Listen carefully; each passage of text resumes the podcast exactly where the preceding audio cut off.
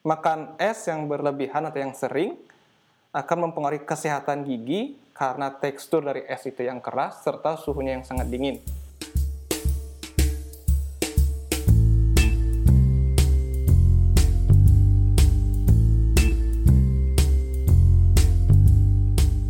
Oke, podcast kali ini ada pertanyaan baru yang masuk dari temanku di mana dia nanya, ada nggak sih pengaruhnya terhadap kesehatan ketika kita sering makan es?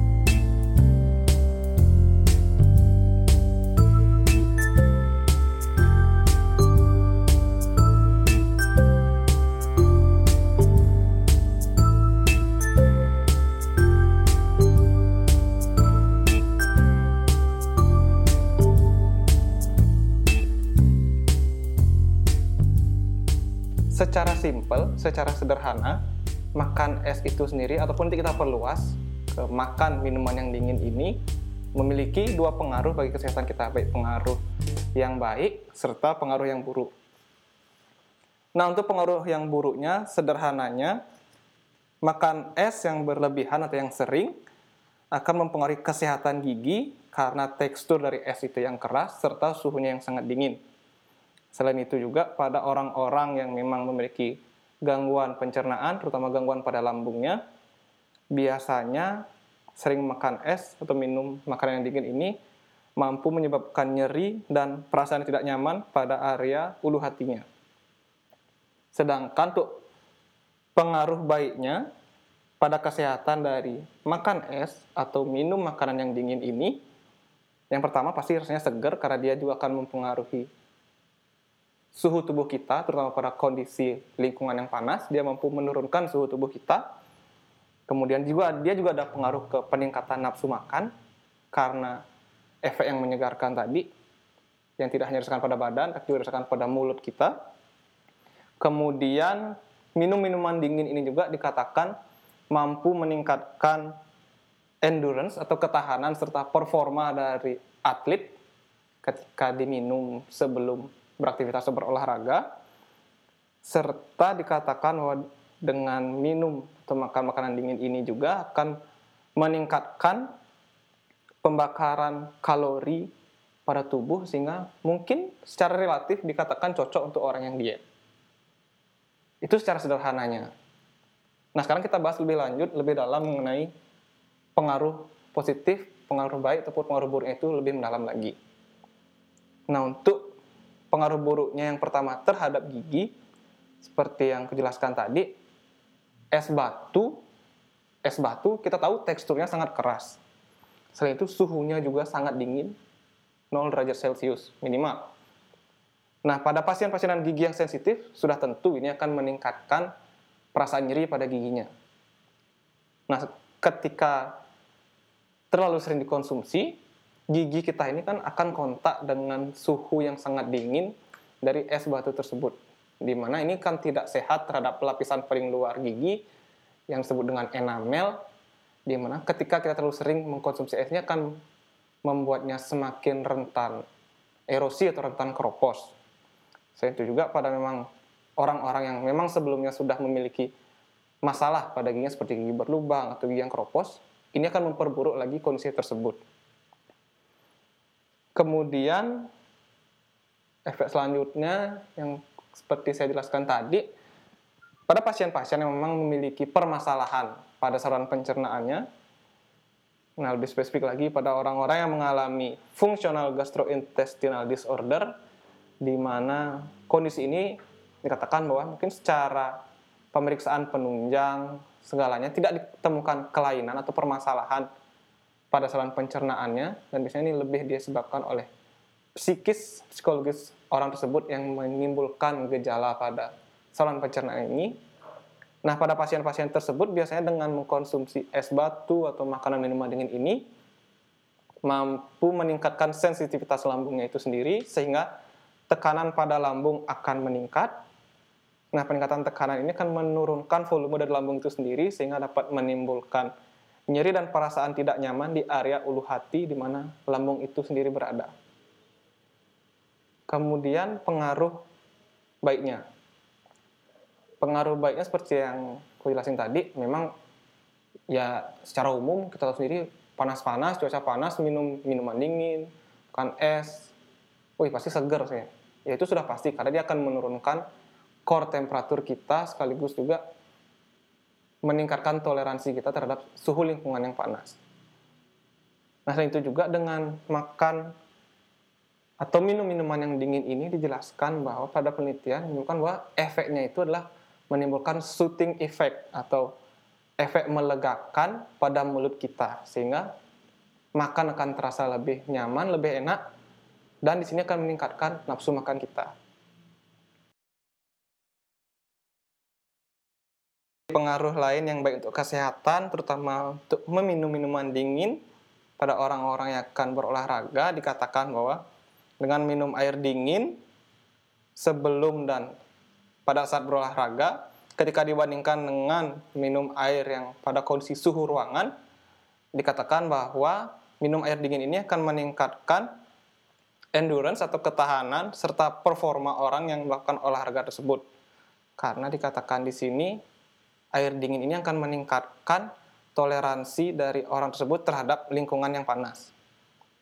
Dan selain itu juga pengaruh yang baiknya pada kesehatan dikatakan bahwa dengan minum atau makanan yang dingin ini dia akan meningkatkan termogenesis serta oksidasi dari lemak. Kita seperti yang kita tahu, makanan minuman dingin yang masuk ke tubuh kita agar bisa dicerna dengan baik harus suhunya tanda petik dinormalkan, harus ditingkatkan sesuai dengan suhu tubuh kita. Nah, untuk meningkatkan suhunya ini diperlukan proses yang dikatakan dengan termogenesis meningkatkan suhunya sekaligus dengan oksidasi lemak. Nah, di sini juga dikatakan bahwa dengan kedua proses tersebut akan membakar kalori lebih banyak ketika mencerna makanan tersebut. Dan mungkin secara relatif dikatakan bahwa kondisi ini akan cocok pada orang-orang yang sedang diet untuk menurunkan berat badannya karena lebih banyak kalori yang harus dibakar untuk mengkonsumsi makanan tersebut. Nah, kemudian selain pengaruh terhadap kesehatan tadi, baik yang buruk maupun yang baik, ada juga nih yang harus kita perhatikan ketika makan es ini apakah sebuah menjadi sebuah tanda dari kondisi medis atau penyakit lain yang lebih berat. Oke, contoh yang pertama adalah pada anemia defisiensi besi atau anemia karena kekurangan zat besi. Seperti yang kita tahu namanya anemia itu kan tanda petik karena kekurangan darah yang menyebabkan distribusi oksigen di dalam tubuh menjadi tidak efisien atau bahkan kurang.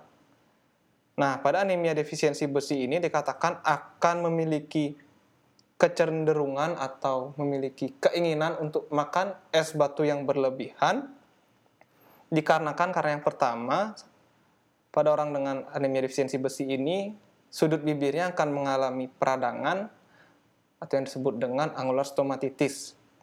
Nah, dikatakan dengan sering memakan es ini, dia akan menyebabkan perasaan yang lebih nyaman karena peradangan pada sudut bibir itu akan ditekan oleh efek dingin dari es itu sendiri.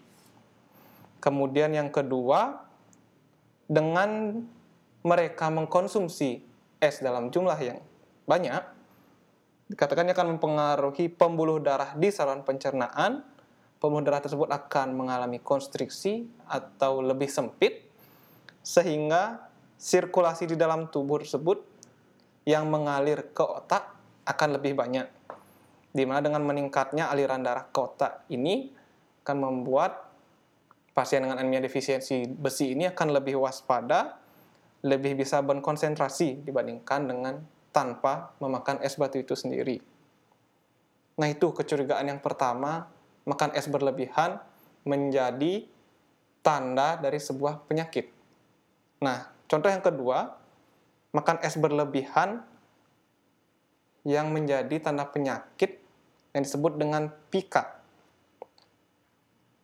Pernah nggak kalian melihat orang yang makan esnya ya kayak makan es karena kepingin, Contohnya diam-diam pengen ngemil, ngemilnya pengennya es batu. Atau sengaja keluar belanja cuma beli es batu karena ya seneng punya es batu. Nah, kondisi ini bisa saja mengarah ke yang kusebutkan tadi yaitu pika. Di mana adalah sebuah diagnosis dari gangguan mental pada psikiatri di mana pada pasien dengan pika ini biasanya memiliki kecenderungan untuk makan makanan yang tidak memiliki nilai gizi, tidak ada nutrisinya sama sekali dengan durasi yang berkepanjangan. Salah satunya ya dengan memakan es batu ini atau contoh lain mungkin ada yang sering makan rambut, makan tanah liat, makan kertas atau yang lain yang memang tidak memiliki nilai gizi.